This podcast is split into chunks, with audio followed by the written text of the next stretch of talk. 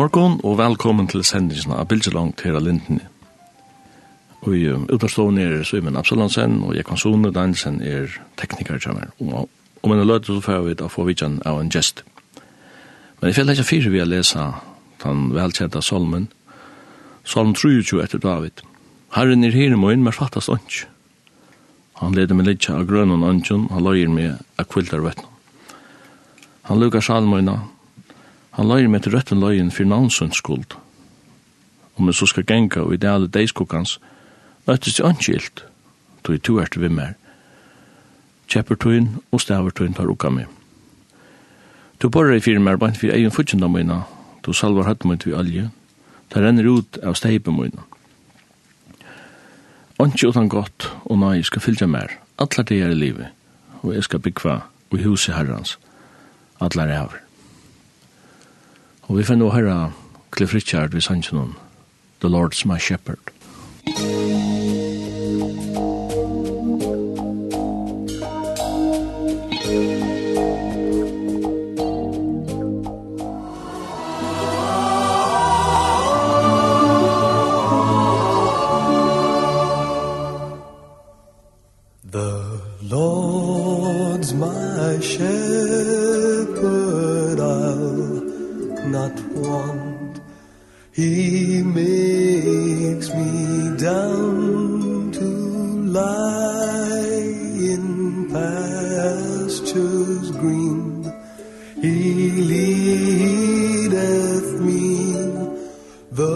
quiet waters by. My soul he doth restore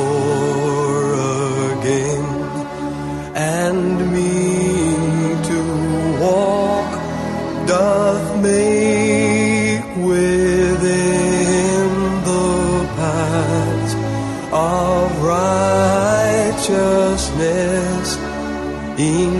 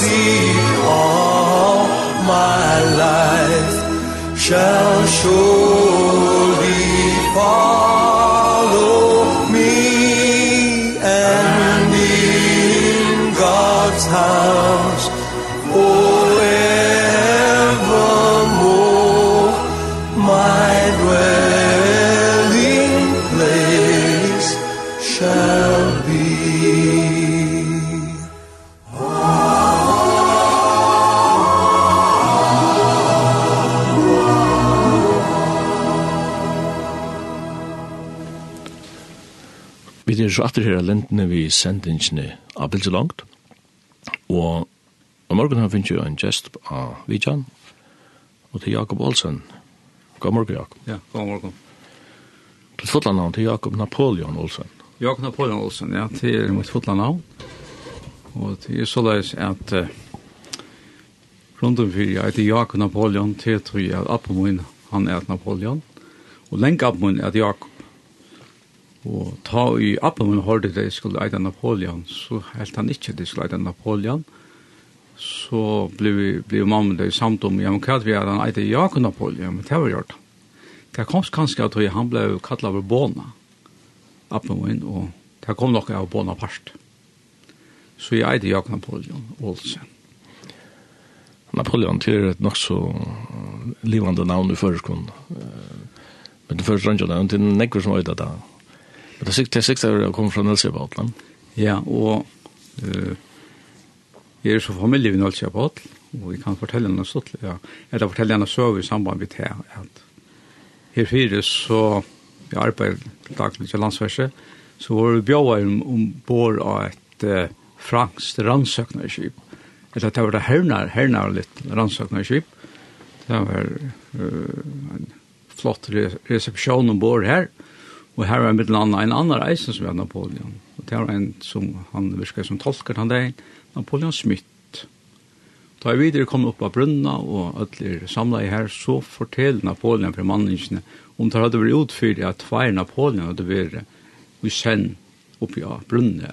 Og det ble helt stilt. Og som jeg skilte av lænen, så er Napoleon ikke av vanlig navn i Frankarut, så det hadde jeg ångat oppleva møtt tveimen som ytter Napoleon franska kollegiet hon fra fra 1694 så säger man republikken republikerna. Man skulle ha så republikerna så tänker tutsch är så är kolvelting och så kommer kejsaren åter och till Napoleon. Är det är det ett lasat namn Frankrike ett land. Är dock tar tagga det som som skämt att det Napoleon. Ja. Är det på samma sätt som det Hitler i Tyskland eller hur? Ja, det tar inte glädje för ja Okej. Men tar det var så att att uppleva det här vid Napoleon. Nelsevold fikk jo en, en døtter, han bestemmer hun skulle øde Napoleon, altså, men da visste det bare noe så ble det en jenta, så, så stod han nok vid presten om at her, og hun skulle øde Napoleonia, og presten uh, fikk, så, uh, fikk så ende vekk, så det ble Ap Apollonia. Ja, ja. Nice. Så i søvannet, og, ja. og, og til navnet livet det er i førgen, mittlen kvinner. Ja, kjenner man akkurat som heter Apollonia. Men Pøtje, Nelsevold, han heter jo Jakob Nolse, han han fick en sån som hette Napoleon Simon. Okej. Okay. Ja, ja. Alltid att. Ja. Ganska bra chanser han var. Ja. Men det alltså att du ber så heter här namn i halv en för en förgrupp var fotbollsdomare och en dystu och och och i minst kväll land och spalt ja. Så säger den norska kommentatorn att domaren han har fältnamnet Napoleon Napoleon.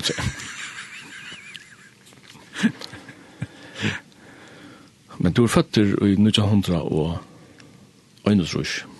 Ja. Og han er med over? Jeg er føtter i Klaksvik. Ok. I 1900 1901 Av sjukhusen? Av Klaksvik sjukhuset. Og i det at jeg møtte Klaksvik, så pleier jeg å si vidt der at jeg, jeg har en fire måned fram om tikkene som er føtter nå i det. At jeg er føtter av Klaksvik sjukhuset. Så i det er at klaksingar fødder av landsjukhusen. Det er da var det mye kjølig ved alt det jeg sier det. Nå er det bare fjørt måneder å køre med til havn og klakshus, så det er ganske dobbelt funksjoner som er nedlagt der, før i dalen. Ja, det skulle være naturlig. Mm -hmm. Og ikke her er knyttet sammen. Men så er det bare født sammen, sier jeg. Okay. Jeg kom til verden av et klakshus Og etter år at han har tatt navn frem i halvår halvårsen var ferdig av sjukhus. Det er så. Så det er sånn. Så. Du har vært eldster av ja. og tversester koma at han har. Men da du var fattig til laks, så bodde du så her, eller vet? Ja, det var så at uh, når jeg bare ble sett av stålen, så var det uh, papen, han arbeidde i Sjønbakken i Havn, og han ble så flott til lakskar, og ble så sjårig i Norge Norjabanken. Og her var han så i noen år. Uh, kom og kjenne mamma min her. Og vi flott så til Havnar og i Furusurs. Og vi bor jo av Seledj. Og det var en stor hus. Det var Liver Olsen som åtte husene. Og overst bo Bridgeren, så Bridgeren kjører jeg bjør. Og så bo vi dem i hattene, og nyast vær så verst da, kjører liv. Men men så så du bara tror jag att det flott ju att det havnar men så några fra tog tog in. Jag minns att det var Hilde Bjärsta helge handel. Bara inte så några chocken eller här. Och en dag så var jag för att köpa äpplen. Det är något som jag minns och det blev kort i en papyrpåse. Og jeg minnes bare at jeg, at jeg var kommet ut av veien, eller vi om at jeg skrattna i påsen og at levende på det. Det er svårt. Så jeg var nekka forsøkt det, det minnes det, ja. Og jeg minnes hvordan det så ut inn i eisen. Tog jeg, jeg finner en sånn bil som jeg kom til akkurat som bruker beinet til å køyre, køyre vi som bil noen, som pendaler.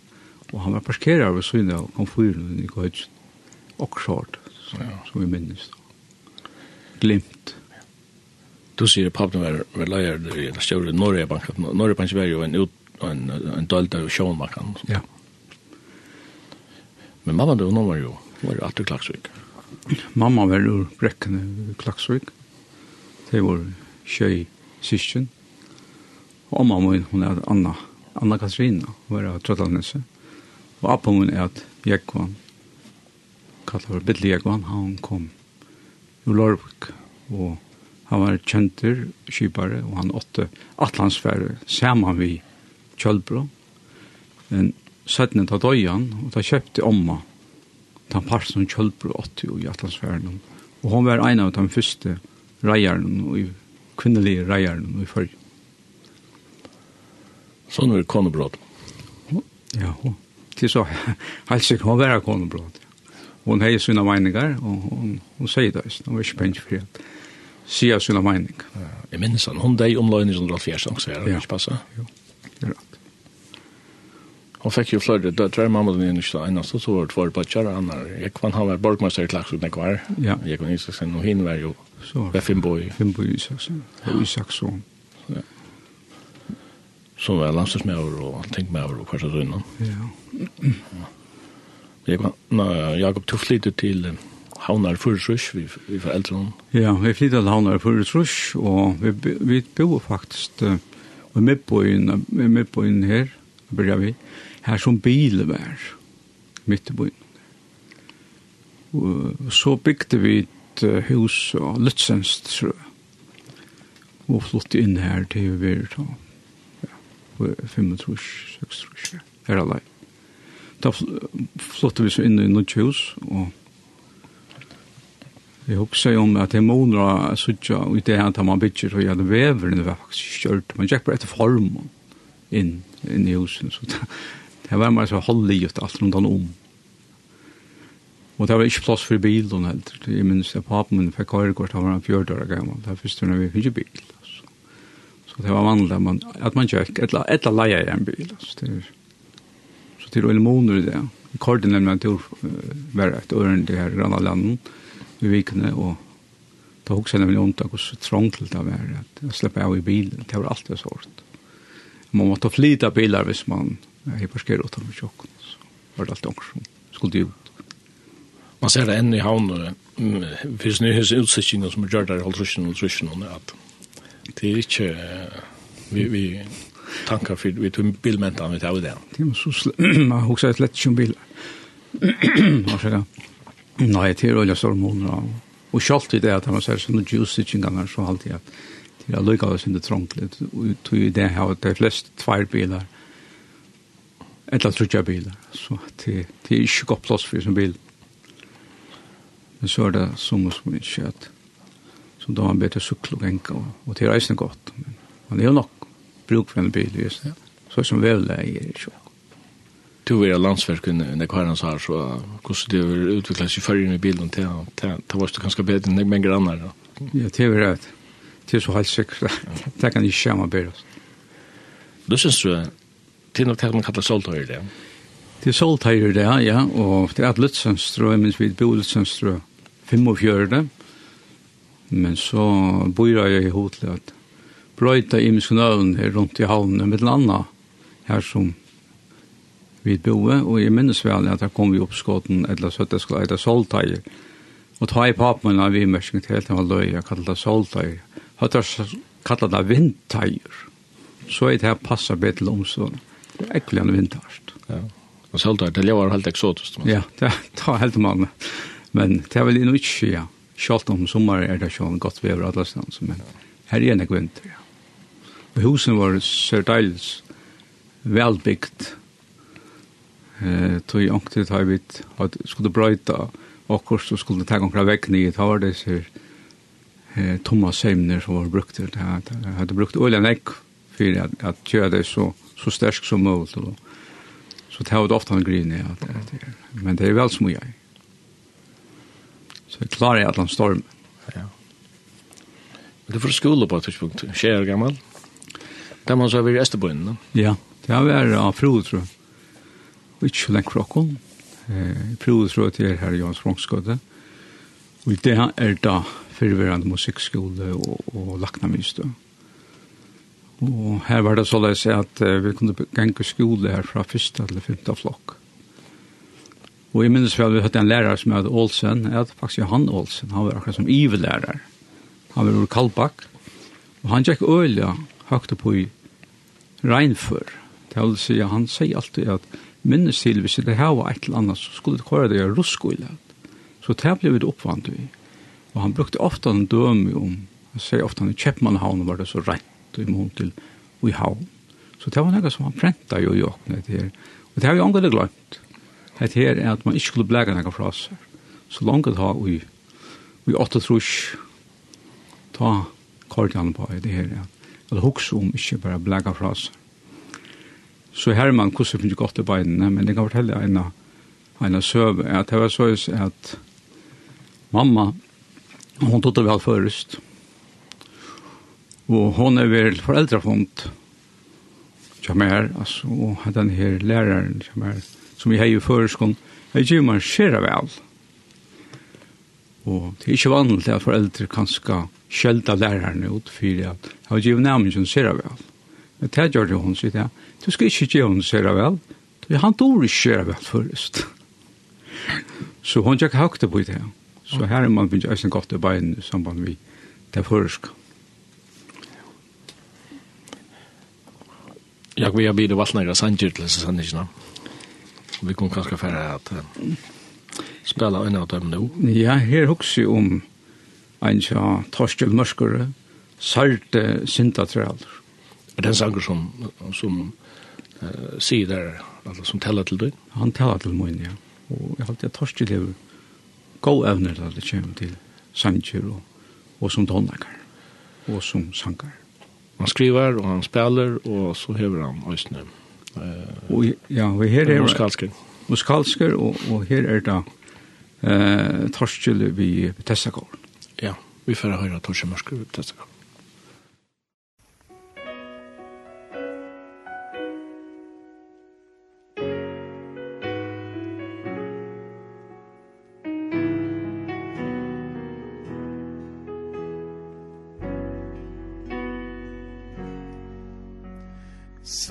till synda trällor Fjärsta vanda be Hör Jesus kadlar inskir hitta te Och kom till Jesus Kom till Jesus Kom till Jesus Solis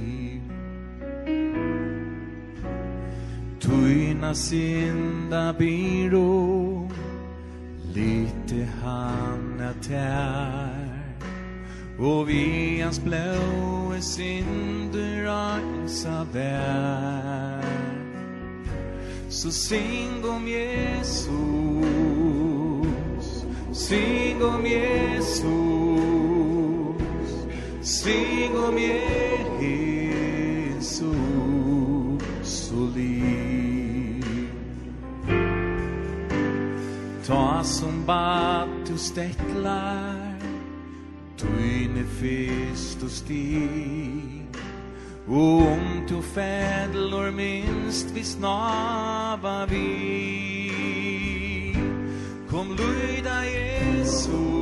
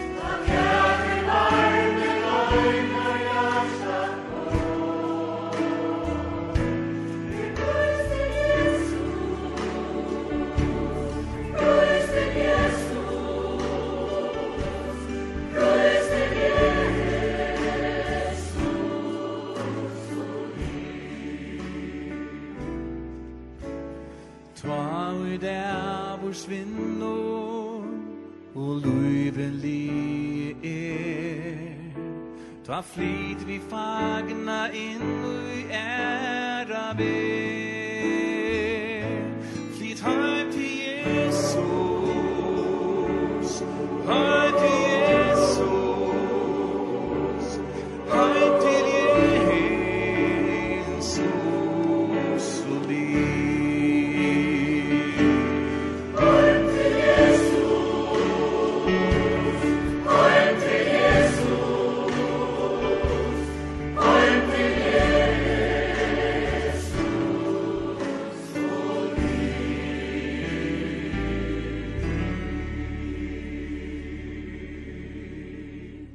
Vi er så atter her av Linden, vi sender inn av bildet langt, og gesteren i morgen er jo Jakob Olsen.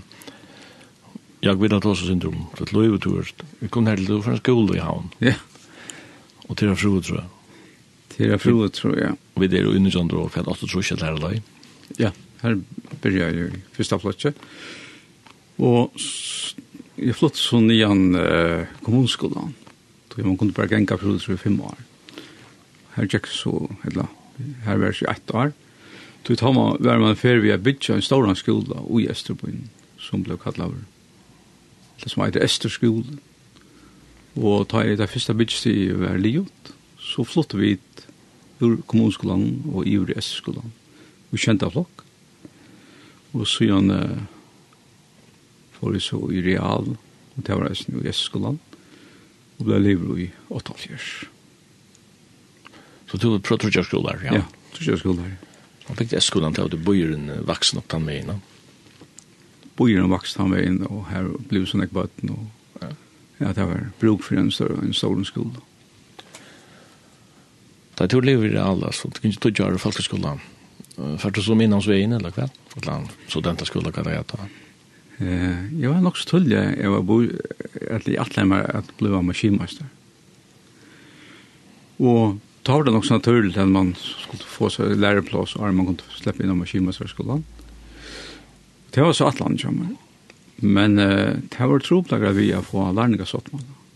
Det var det var det var osämja med mästarna her. Og, så at, uh, det ble blev vidare ut så jeg var så til Chips vi Norrborg, når jeg tror det. Ikke til nødvendige Norrborg. Det første Norrborg. Samme Jakobsen var kjipare.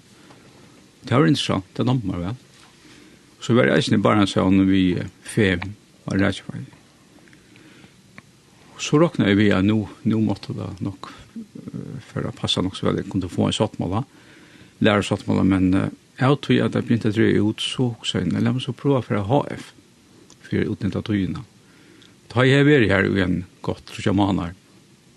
Da ble vi så bjøren, lære sattmål, og jeg gav så i Høydalen og for å ta jeg altså Torsland og som mye som er det mest i det. Og i, uh, ja, TV er ta i noe andre og, og fors. Det er lært igjen at vi ta, var det så leis at uh, det var påskon, vi dår jeg leve i Sarepta. Og ta en av morgenen til jeg vakna, jeg tar følte jeg akkurat som i heia en sånn, var hoven om halsen, altså, til å si jeg vinner meg, og være sindur, hva skal man si, heia sin rilt i halsen, og hoksa ikke mer enn det, ja, men leva han var så lio, og vi kom i heimater, og jeg minnes det at da jeg kom til hus, så sier jeg til vi mamma at her er et eller annet, så det hoven om, om uh, det her, i halsen og vinstre veien, og hon sier beina veien at nei, du har haft farasjukna, du farasjukna var så som mann, problemer hoven og hals. Og papen min, han var sin bekymret om dette her. Selv om det var hele dager, så sier han, nei, vi må heldig færa til lakna, for jeg kan etter hva det er for nek. Og vi får så til lakna, jeg minns vi får heim til en kommunlakna. Han hukte på meg og sier til at ja, nå kommer vare, og det er sånn virus som heter Tryna, så hadde jeg skram virus, og tog først uh, en uh, penicillinkurs så fyrt det nokka Jonas. Og jeg tog så en penicillinkor og gjennom det är men det var ikke brøyding. Så får jeg atle kommunlaknan, og han sendte meg så hvor jeg er til holslaknan av landsjøgrusen, som tog henne en prøve eller en biopsi. Og jeg fikk så vite at det, at det var krabba meg. Og at jeg skulle nye beina vei. Jeg ble sendt nye rydgjus sjukhuset, Og det vanlige som man gjør til det, det var kan ha at lærer seg om det var fervojer, eller visste det var fervojer hver det var ferdig, eller om det var noen lærer seg, og så er det av sjukrehusen og rutsjukrehusen innlagt i en måned. Og så ble vi opereret i halsen for at kan ordentlig lett hva det var. Og så fikk jeg utslitt at det var ildkjenja som eh, holdt slakten her i førren og jeg råkna vi. Og og at det var et slag løvkrabb. Og så fikk jeg vite at jeg, skulle fra hjemme til Førjar, og skulle komme nye rett om en og tog, tog at jeg skulle inn av Finsen for å få Stralvitjer.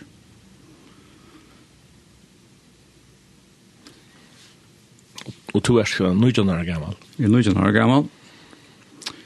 Og ta hoksa man fram etter sjående. Og hei sin atlaner. Og jeg vil si at jeg, at jeg var ikke så sjokkerer som foreldrene og tegnene om. På en eller annen måte heian og homograv hette er ikke bare, hette, hette er mer enn bare vanlig sjuk, altså. Um, men uh, jeg fikk så stralvidger og en gav manna, og ta var det så jeg sier at jeg ble stralar om atlan, altså atlan kroppen, altså, bei atlan og framan. Det gjør man ta og jeg var utrolig, eller helt ble øyljande sjuk, Jeg avmakta, du man dotter ikke alt det som man gjør det.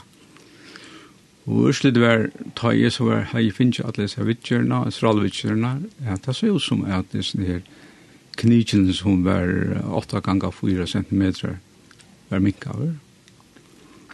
Og han senast at dagen så sier det her i lakten av finnes med meg at nå skal det ha kemoterapi, og jeg visste ikke hva kemoterapi var for noe. Og, men du skal bare heim til førjar og røyna komme noen av fire til år, du kan få kemoterapi. Det det var så avmakt av da, vi er ganske en 6,5 kilo eller et eller annet. Altså. Og jeg, jeg minnes det at jeg ble kort i køyrestål ut i flikvaren. Jeg klarer ikke, orker ikke genka. Og jeg kunne ikke eta og ikke svelge til at jeg var så svar i halsen og innvendig. Ja. Og kom så hjem til førjar, og og faktisk så gjør det til alt, til rundt om med mamma, og, og til som annars var rundt om med for at det kunne komme noen av firme etter. Og ta i det lagt an å vurdere at det var kom så mye firme at det kunne få ondt kjemme, ikke, så fikk jeg kjemme. Og jeg er en av de første i fargen som har funnet kjemme, og alle andre Så det var helt ikke vanlig det. Men eh, det var så ivlagt han er at bøye til et navn. Eh, av Røyke Grusen som akkurat som fyllte vi og hei apert Og jeg kan råen være så ivlagt ned som annars hei apert navn. Og jeg kan legge tre at det var så løs at vann så fikk to kem og uh, midt i vika eller og jeg var lærere. og kivas minne så hos omkring om orsket ut ja. Ja, altså jeg vil si, jeg, jeg kurset rundt alt det som jeg kunne, og det var vært øyelig lelig på den måten, det er sånn at ok, du prøver ikke for en mål til skipene, men du kan arbeide sammen, eller vi dreier benkene, så at jeg var nek vinne. Og så fikk jeg en gjørs en avtale ved sjukhuset på den at eh, hvis jeg kom inn frutja kvalitet, hvis jeg kom inn frutja det, at jeg er ferdig arbeid, jeg kan ikke få kema og bare ta, Og så brukte vi skiftet til å komme firma så vi kan føre til arbeids. Så sa der, ja, det er ikke vanlig å gjøre det, men hvis vi tog alt det som gjør vikskiftet er akutt, og heter ikke akutt ja, det her, så det kan riskere å boja. Og jeg sier, det er ikke noe trolig, jeg kan godt boja.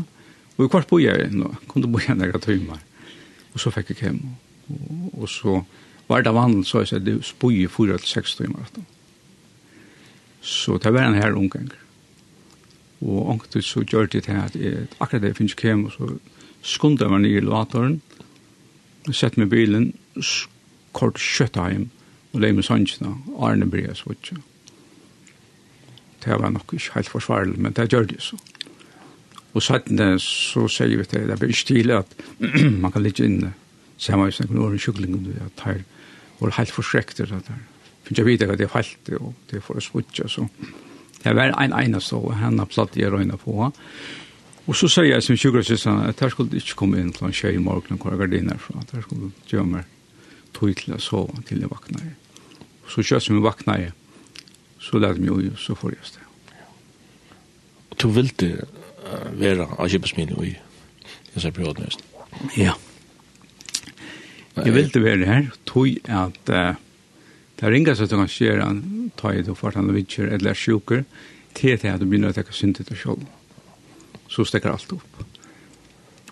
Men hvis du kan svare opptidsen og kjempe, så hjelper det helt utrolig med. Og så er det var det ikke mer. Hvor sjåre er det? Paul Moore eller noe? Paul Moore, han var sjåre og og han var ekkert en del i at han kom til det. Sjålt om han er kjenter for at disiplin, tog jeg, hvis jeg kom til arbeids, eller ta jeg vidt som lærninger kom til arbeids, og vi kanskje en morgen ikke så det var morgen, så kunne jeg godt riskere at en røpte jag opp, så ventet man vi, så jeg gav morgen. Det var det. Og, og han var alltid første. Så, så er svær han. Så man oppvandrer vi at man skal møte alle tøyene, og man skal se god morgen. Eh, Torbjørn Holm var smygemastare. Og det var øyelig fotter i honom. Men jeg har ofte sagt til at menn er ofte bedre enn annan enn kvinner. Så jeg alle tar som er lærte sammen vi og arbeidet sammen vi, det ble så at vi finnes alle godt forhold. Og selv om det skjøtte sånn jeg, så, så mørste man til at jeg høtte eh, samkjensle vittar, at det var sjuk. Og selv til det at jeg møtte dem og gøtt, så, så spør jeg dem, nå, hvordan ser vi det da? Så jeg hadde måneder. Ja. Du nu Jan, jag kan også säga at att Nick vi har sån allt runt den nästan hade mest möte ja. Men jag husar då när det at er att det här ganska berent när det gäller. Ja og du pur avklarar over? Jeg var pur avklar av at det kunne godt være at jeg får dødja.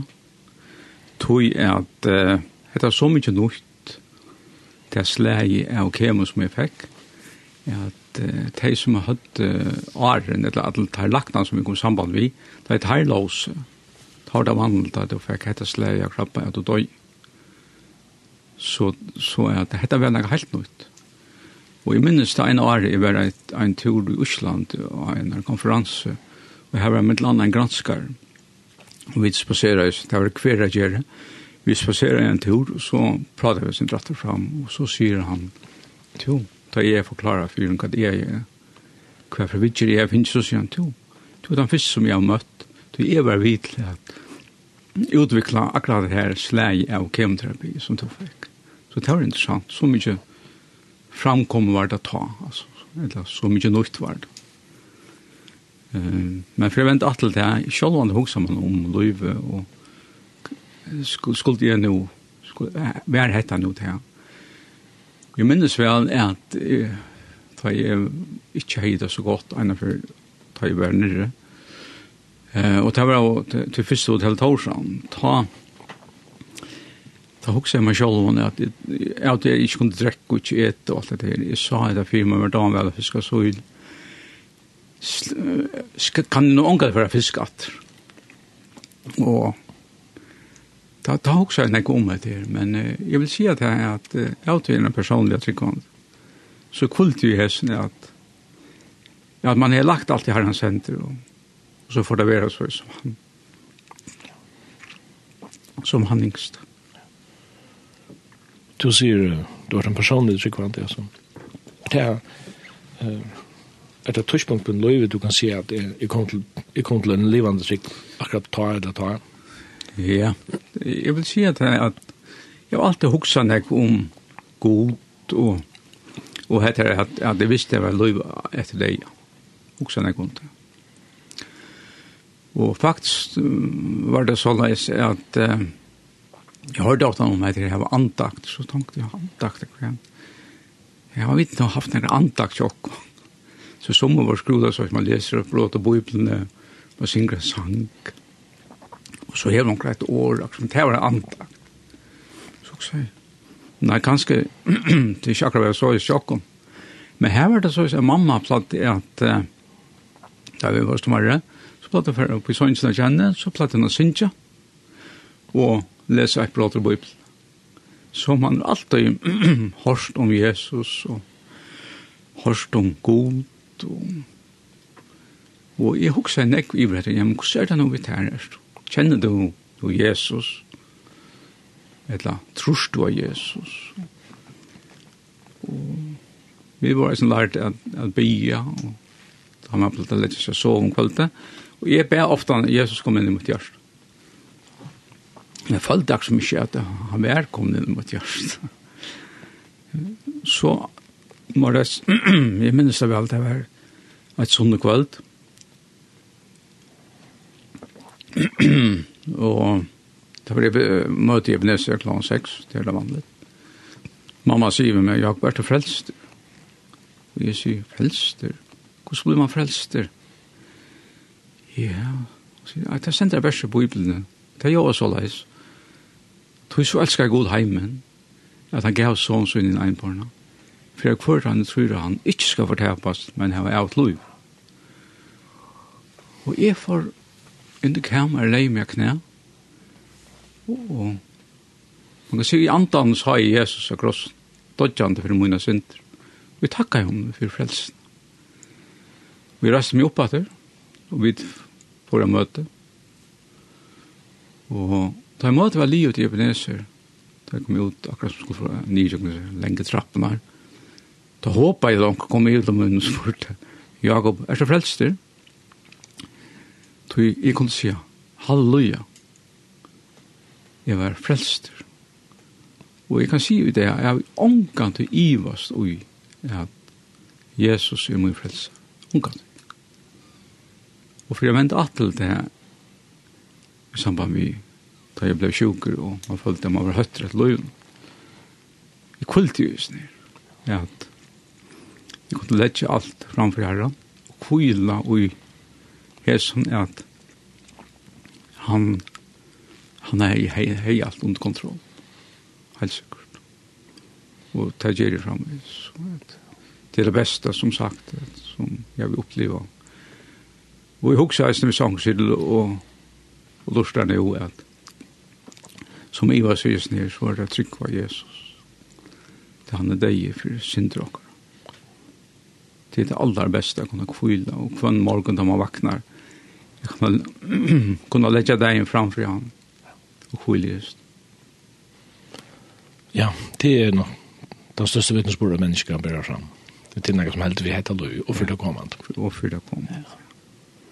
Ja, du har haft noen sanger som du har valgt, og kanskje to arrefer vi er, vi er samrunde så. Ja, så hoksa jeg om en sang, uh, ja, skrivet man nægra nye her, som, det er nekker gode sanger, eh, hoksa meg en godsen til sin sangren Fjakkar.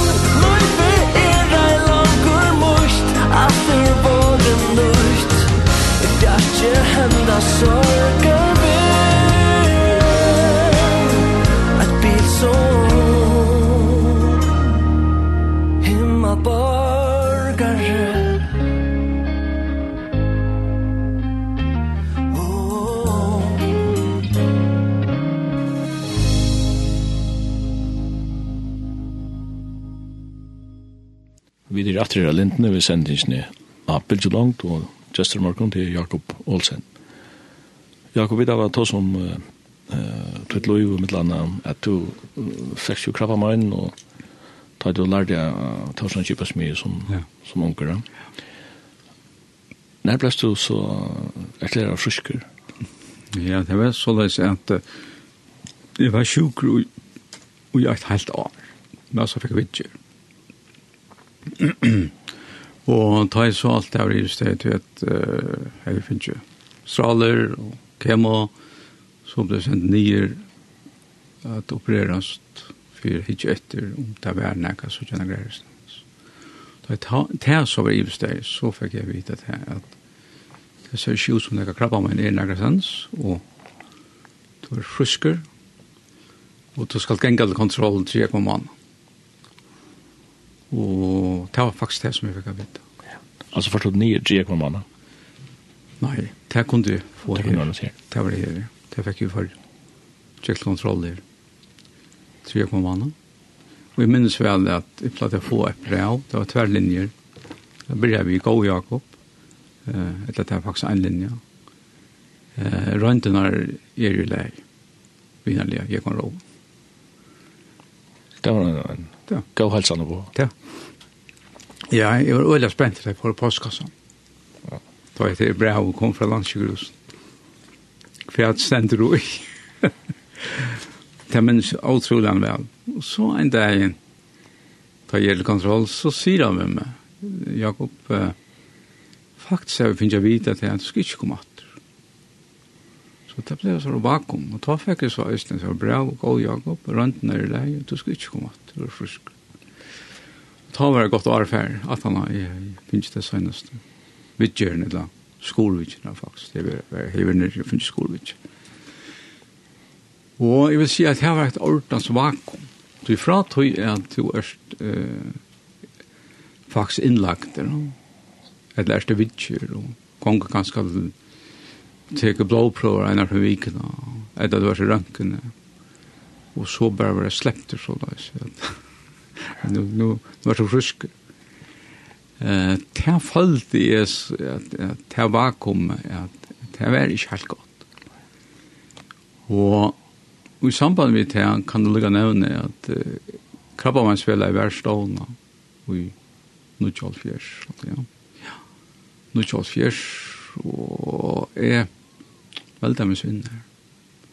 Og hugsa jeg meg selv om at de som kom i attana, som krabba meg sjuklen skulte kussur, kunne jeg ganske røyne at avverska myndelaikene så la seg at jeg finnes ikke bedre omstå. Men jeg kan lukka nevna det her, det var sin løy til at hver jeg skulle ha kjemvidger, så ble vi faktisk faktisk vi av det, tog ikke feber av meg, hver eneste feber. Og så ble man kortere opp på en av deilt, og så skulle man bo etter en sång, og så skulle man bo etter med lakna. Men jeg fikk brøtt noen ting nok så kjøtt. Jeg sier, det kan ikke være menneske, det er vita, det er vita hvor jeg er, og jeg kom her, først, det er bare få viker i middelen, og man kunne fære beinleis inn av velten, og utan det skulle via med korøverne og takka febra. Så det ble også brøtt beina vei. Men her, her kom så her, her var også en avsk. Ja. Vi er alle deilige mennesker, men følte du som alt? Nu er god judar några rare träd. Ja, som i Ezekias. Ja. Jeg fallit i ordet her, ja. At det finnes noen år träd.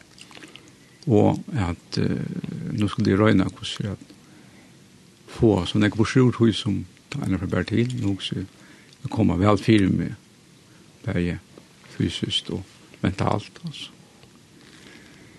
Og du enda her så du har lært deg av Kjøpensmin, ja? At han har kvart tro i fyra år, ja? Ja, faktisk var det så leis at da jeg da er til lærer så gengde jeg til tekstiske skola til noen skeier inn i midtelen, og her var så en av oss med Ottmar Rasmussen, Sale.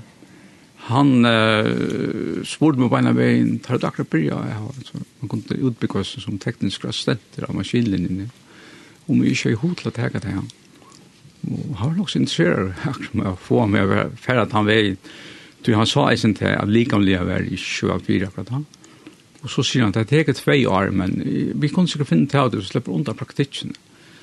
Så jeg fikk gjort en avtale vi, vi Torfan Kibas mye så jeg sier at ta jeg hei vi lærer enn at hui så, så tog tekst stent og det var ferdig vi til så det klarer jeg det på et år som skulle tekka tvei år så vil det ha med teknisk stående.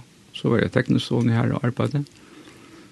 Og ta i vært her og i et, ja, til samans, det kan vi skrive til et halvt år eller et eller annet her, nei. Så, så sagt jeg navn med Kimasterskolen, og vi slapp inn. Men um, så fikk jeg et eller annet i armen, og jeg får til kommunlaknen, og jeg sa kommunlaknen, ja, jeg kan si at jeg tar andre eldre. Vi ble jo ordentlig vel til at vi så jo ofte han kunne annet Og han sier med meg, Jakob Vestekve, at du måtte få det också mer renligt arbeid, Altså. At det er, du får ikke utsett, hvis du fyrir med kymastarbeid. Du kan få infeksjoner i muskulsleir. Jeg halte ikke til, til kyla godt. Og så var det et, et starv letet til landsverket, og jeg søkte, altså. Og jeg minnes vel den dagen da jeg fikk et starve, at jeg får til Paul, Paul Moore, og sier vi han, Paul, jeg har finnet et nytt arbeid, så jeg sier opp ta var jeg nesten livet. Altså. Jeg har ikke gjort Sveinas ikke. Men eh, han sier, hva sier du? Så jeg sier, nei, jeg finner ikke arbeid til landsverk. Ja, går først over ferie.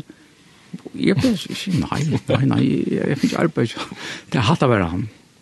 Han helt ikke det gjør det sånn ikke til landsverk. Så han spurte meg for ferie. Jeg sier, nei.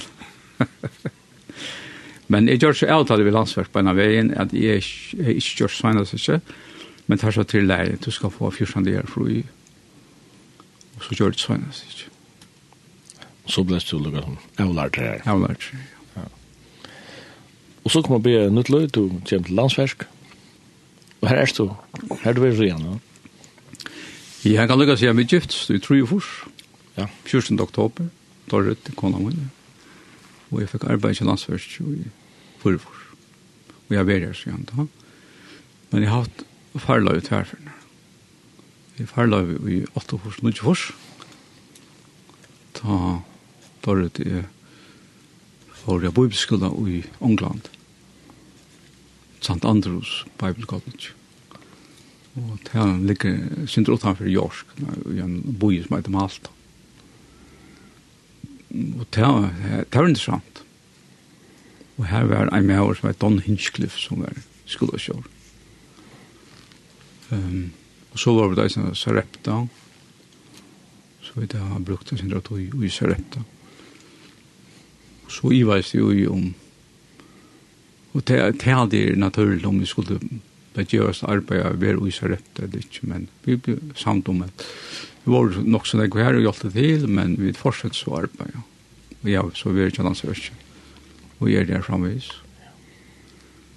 Men uh, to er rettelig aktiv innanfor fyrre fellene av krabbamann. Ja. Har du eisen vært fulltidsarve her enn at du? Nei, jeg har unga det vært fulltidsarve, men det var så leis at mitt arbeid vi har en prosjekt som heter førre mot krabba, og jeg det til å søtja det, jeg visste jeg skulle bli til nekka, så måtte jeg bruke nekmar at hos, så jeg faktisk tok farla vi ikke landsverst. Det var 2009, fyrir jeg kunne være vid til at jeg får det ordet sett på kinnare. Men det er alt for sjølvbo i arbeid. Og ta i heis og, og lambar seg, og ta rikka gjør det godt. Altså. Og enda mal vi tog i vær så til en sånn penger. Og ta i farløs tog i meg just det inn, så i var seg sin til hva du skulde til at sjåan til tog jeg sutja til at jeg er å gjøre. Det er jo krabba med spillan, men særlig at jeg som jeg brukte nekva tog i Ebenezer, jeg var sundagsskolelærer og og arbeidt ui og utfri Ebenezer. Uh, så, men det vil gjerne ha om atter. Så sier jeg, man til en trei til det at jeg slipper jeg arbeid 30 prosent. Så kunne du bruke det 40 prosent når man er ui. Da det kommer til at arbeid ui og utfra sanko. Og det er det er ikke problem. Så i det arbeidet faktisk 30 prosent. Bruker inn at tøyene til uh, at, uh, ja, Det er ofte at det er oppringt til at onker er råd til at prat, så blir det tog seg om vi ikke kommer til. Og arbeider annars og i i samkomne. og ta i vrinn, jeg tog så hos jeg ofte at her vi er at hette et arbeid som ånden kan skal veit om. Tog til er så, eller til fortrolle, til en ringjel inn, eller ikke at du skal komme vidt, eller prat, så er det ikke noe som man snakker med noen annen om. Det er et personlig arbeid. Mm Og det har jeg brukt nekva tøy til, og, og det er en stor tøyvrad. Um, og av vidja folk. Um, og det er givande arbeid. Men det er ikke et arbeid som sast tøy av det personen. Det er nytt av seg en ringe til mye siden, en noe som ringe til søy. Det er en grunn for en ringe til mye, han er jo alle damer. Så det er et arbeid som hvis folk har alnet av det, så kommer det samband med det. Så hører det ikke. Så nytter ikke å si at noen annen kan. Det kan lukkes vel være en gjerne for her, en ringe, kanskje vi ikke har et år, så hjelper ikke noe, ringe, så jeg ringer til noen annen. Det er grunn for at vi kommer til heidra til. Salarøk, det man være noe til uh, viktigast at man skal være, hvis man sier, hyre. Ja. Det er viktigast, og til øyla, til bibbridget, og til alle svartan kvar. Ja. Ja, du har en lista av sankon her, kanskje Arne, for vi er så, kan du velja en uh, sang? Ja, jeg husker jo om uh, en som Martin Johansen, utan til hver tøknen tom.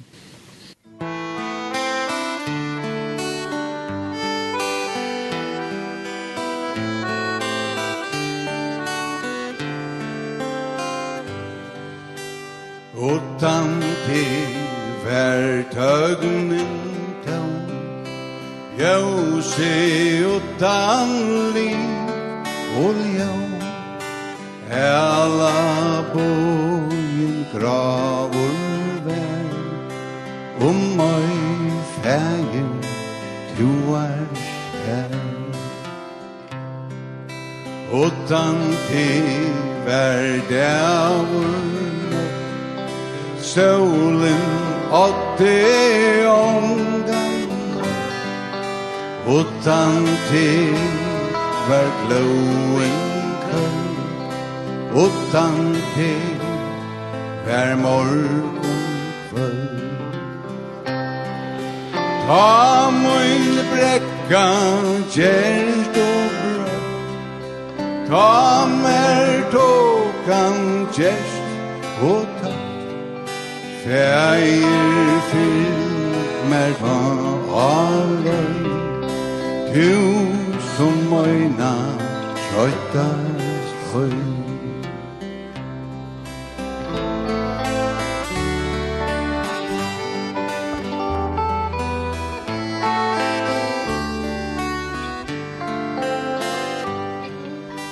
Fyrlur bresta Amur Ti andre er hitje ljur Man og i stormen omta er. Herre hattur tetja til. Veri og kærur moin ver tu Vakta Herre moina Fægir vil du styrstje mun Løy me loksens heim til tun Ta mot berg mer gjerst og Ta kvart vital jøser slett Fægir fyllt mer ta aløy Du som møyna trøyta støy Fæir fyllt mer ta aløy Du som møyna trøyta støy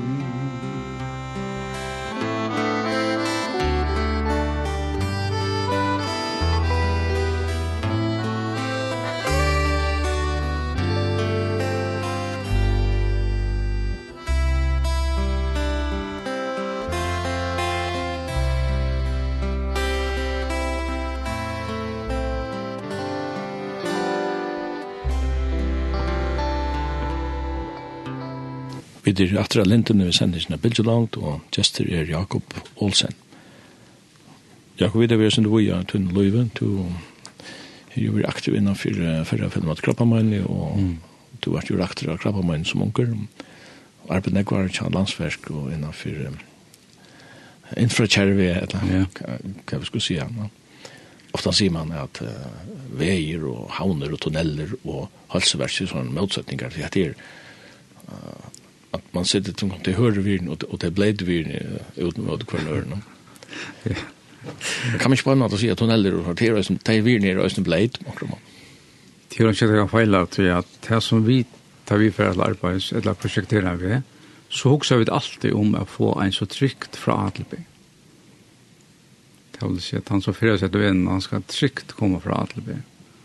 Så det er ikke det jag failar vi inte huxar kvante om om de bleite som fyrast etter veven. En buss er fulltid av skolaband, til vel sagt hans bleit videre? Ja? Absolutt er det det, ja. Så det er noe som, som vi eh, kvante er hos om, hvordan vi best kunne gjøre det. Og trykja veien er så godt som det er noe enn for parti. Så det er ikke, ikke helt alveg å snakke om det. Da jeg var smadrong, så var det en, en badrug laks med en medikus. Ja doktorapparater, i minns på den, så cyklar ut och en av vanliga och så. Nu får han levera det, så nu får han konier och, och nu får han larvukar vid kycklingar som skulle fösa till Ja. Men tabbaten han är ju kär där. Nej. Nej, nej, det är tonlander som som har bunt i ödjarna samman och, och gav väger. Och till tjatare kom att fram. Och tryckar. Ja. Och inte minst det är akut.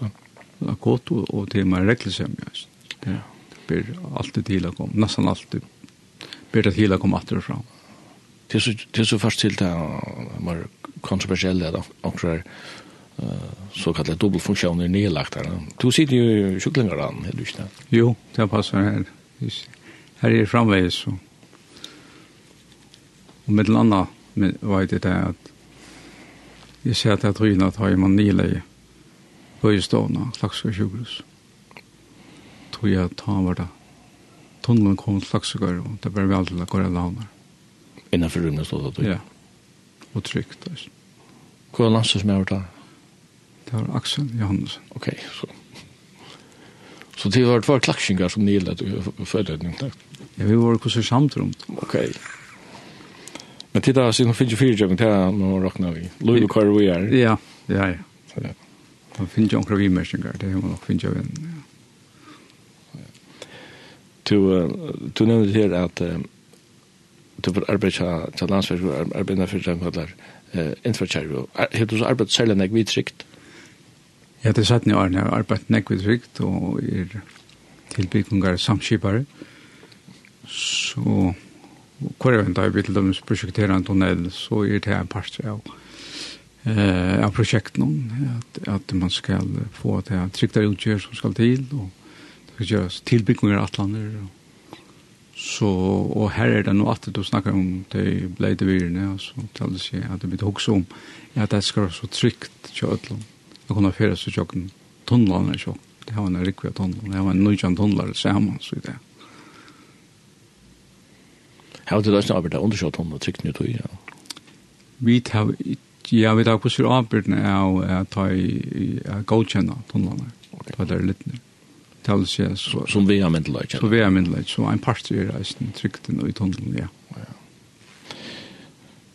Men du nevnte til at, at uh, to og kona din Dorrit, de tok jo Orlov i Åttfors, Nødjefors.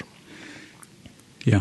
Fra ni til Ånglands. Ånglands, og på bibelskola her, og jeg vil si at det var en, en, en god tog, Men nye ståan var ikke han er at det er kvart godt å komme vårt og så tjekk hos godt man finnes jo i bein heimanfra.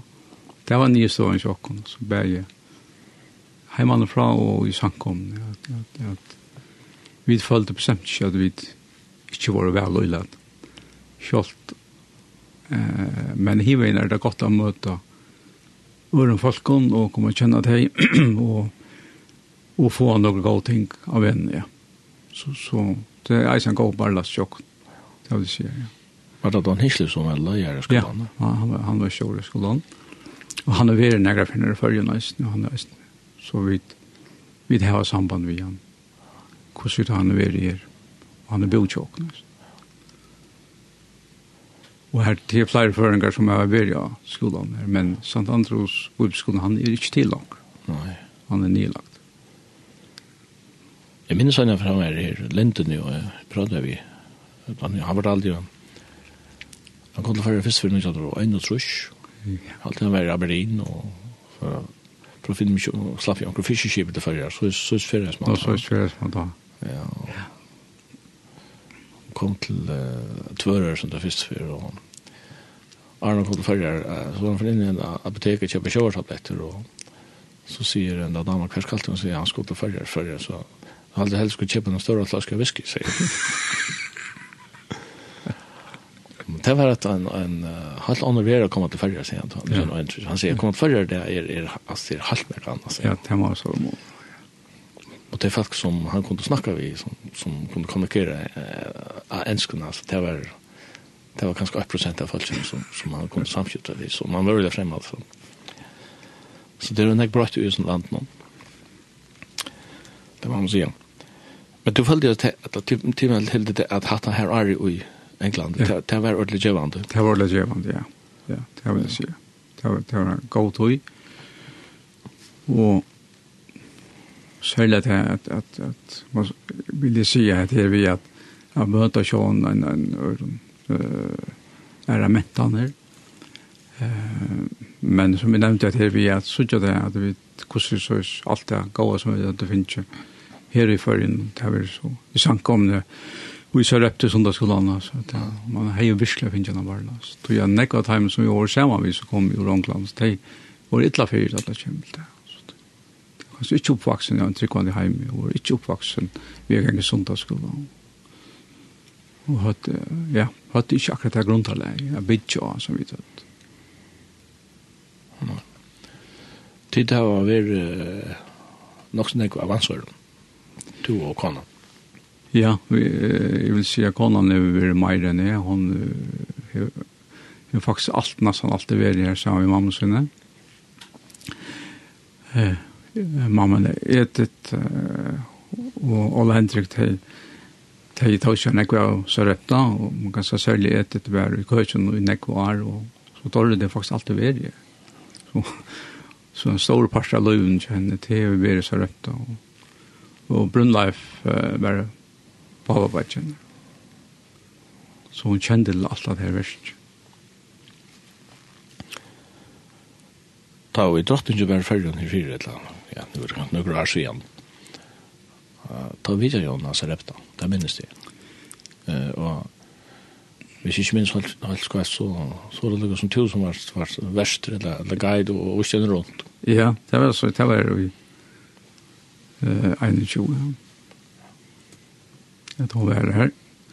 Og hon befinner så en avhetan fra Rydsumbon. Jeg drottene ikke kommer vidtjen, og hon yngste er vidtjen så rett. Og selv han gjør man en protokoll, hvordan det skal gjenge fyrir seg. Og det skulle være hemmelig. Tog jeg trykten skulle være ha seg at det vil si at eh, det ble alt tjekka alltså hur husen vi ut och så eller så repta så ut. Och här kom kom politiet för jag kan inte hur hur det inrätta och här kom alltså bombhundar som gick runt i husen för jag vet om det var några bomba. Och och i protokollen stod så att här att uh, vi skulle att de inte att det skulle bli mer privat.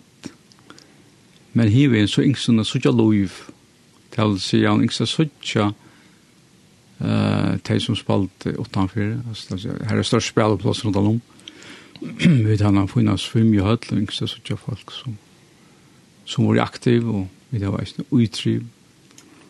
men corona var i hatten och eller arbeidet mer till år till var att ta sig på all flyfnar vikna och finna det och kunna leva lite och Og det var akkurat da, i 14 år elever skulle være.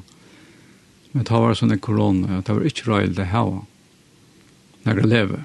Annars hadde vi det hoksa til at at Jan Ferus skulle hjelpe til at her var uh, trena sang sammen med og skulle det være utenfor da han kom, og, og synja, så repta sanger. Men så var det, man skal alltid ha en plan B. Så vi ble bare samtidig, jo, hun skal komme, Men så må vi bare aktivere noen folk. Få noen bøtten av er, og i svimmihilen og noen er og i og i trivnån og eisen blir utenfor. Så det var lov da jeg kom. Hvordan jeg en sånn leva gang fyrs.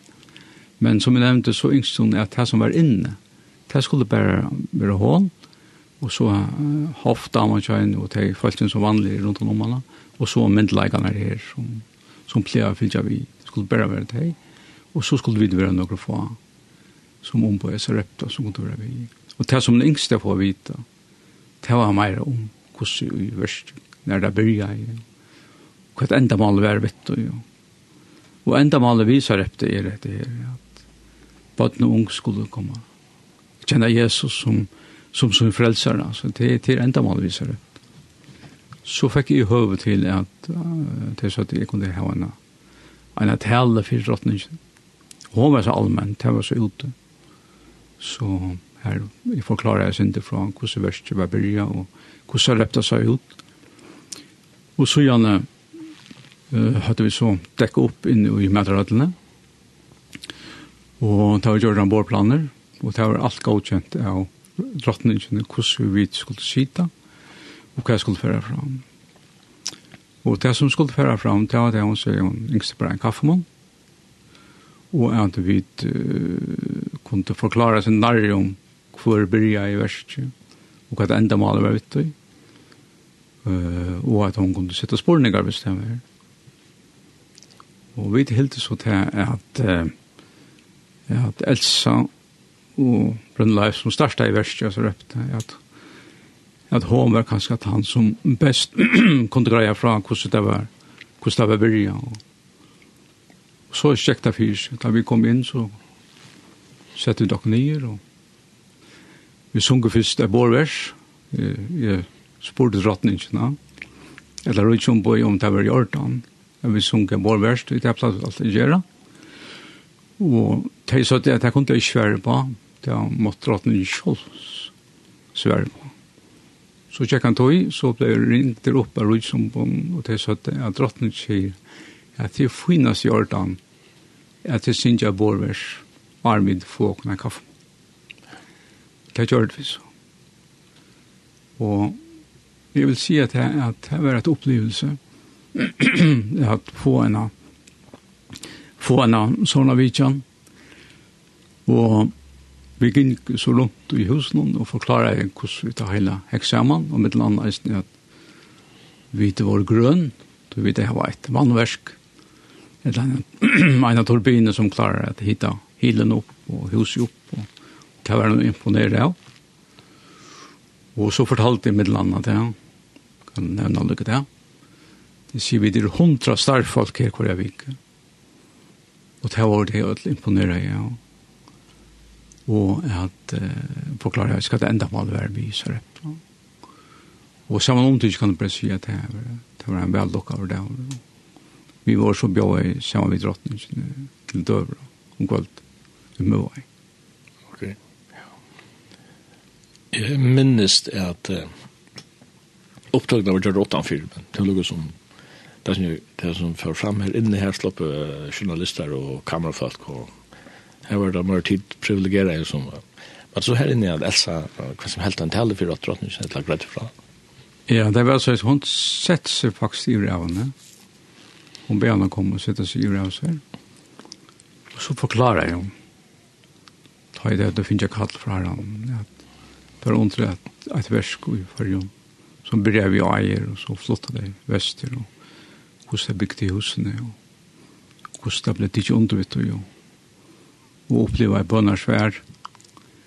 Og så fortalte han alle mine opp etter hvordan, hvordan det var oppbyggt, og, og jeg synes det at Jeg ble løft og i Flåvann og kunne fortalt det sin dag.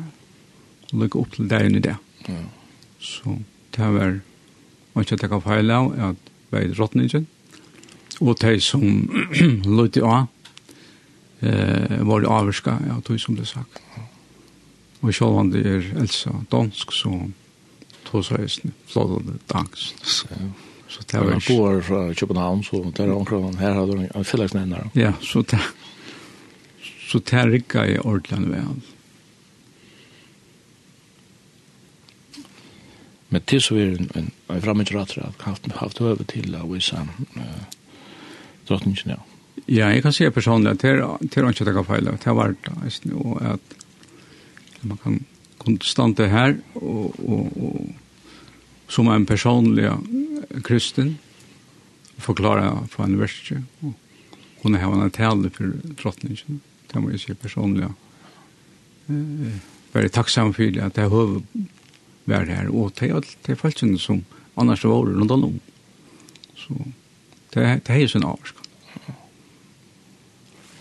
Ja.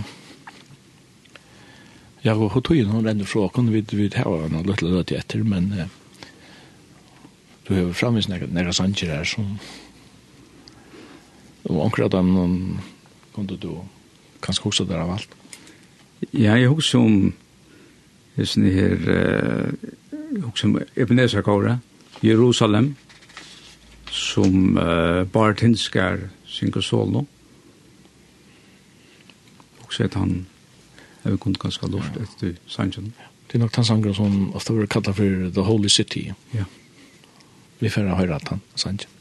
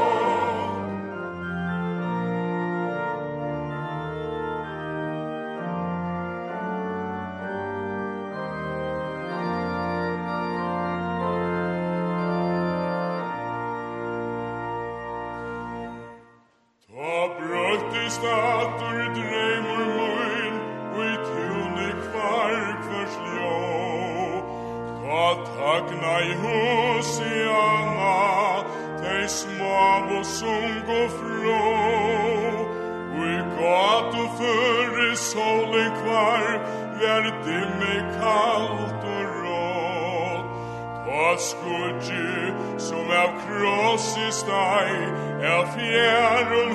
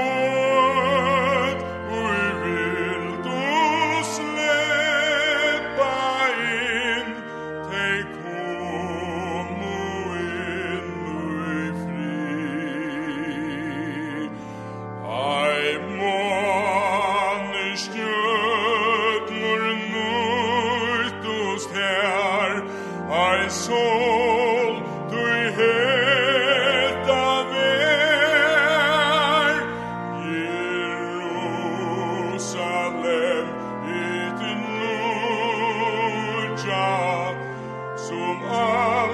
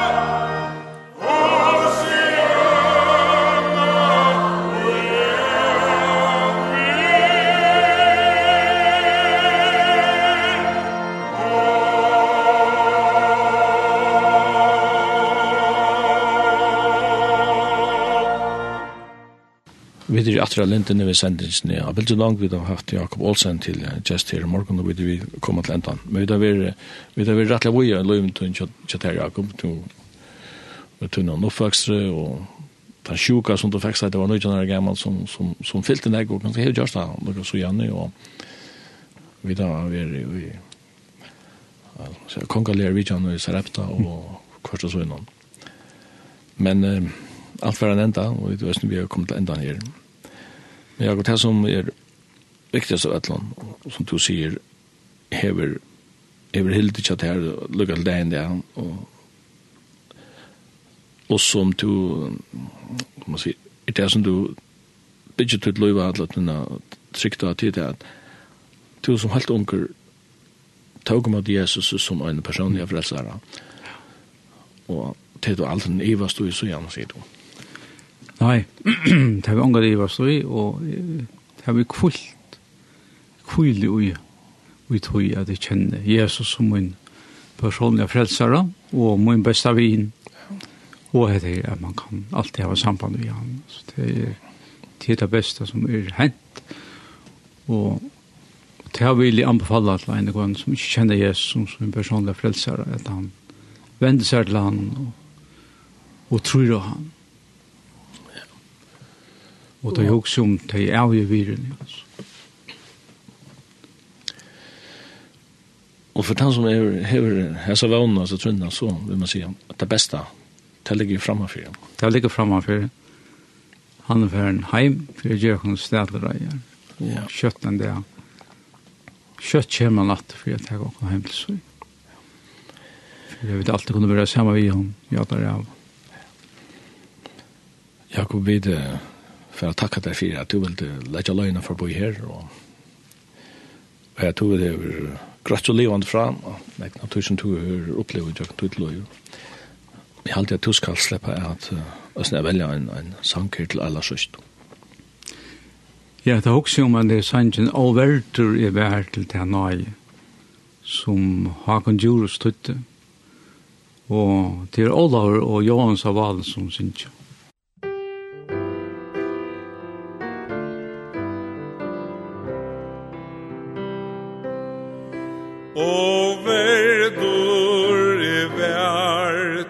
ta nøye han gav, og verdur at genga hans lai I undrest ein kongur kom til mun ein træl, han karlaik i fæta kanai.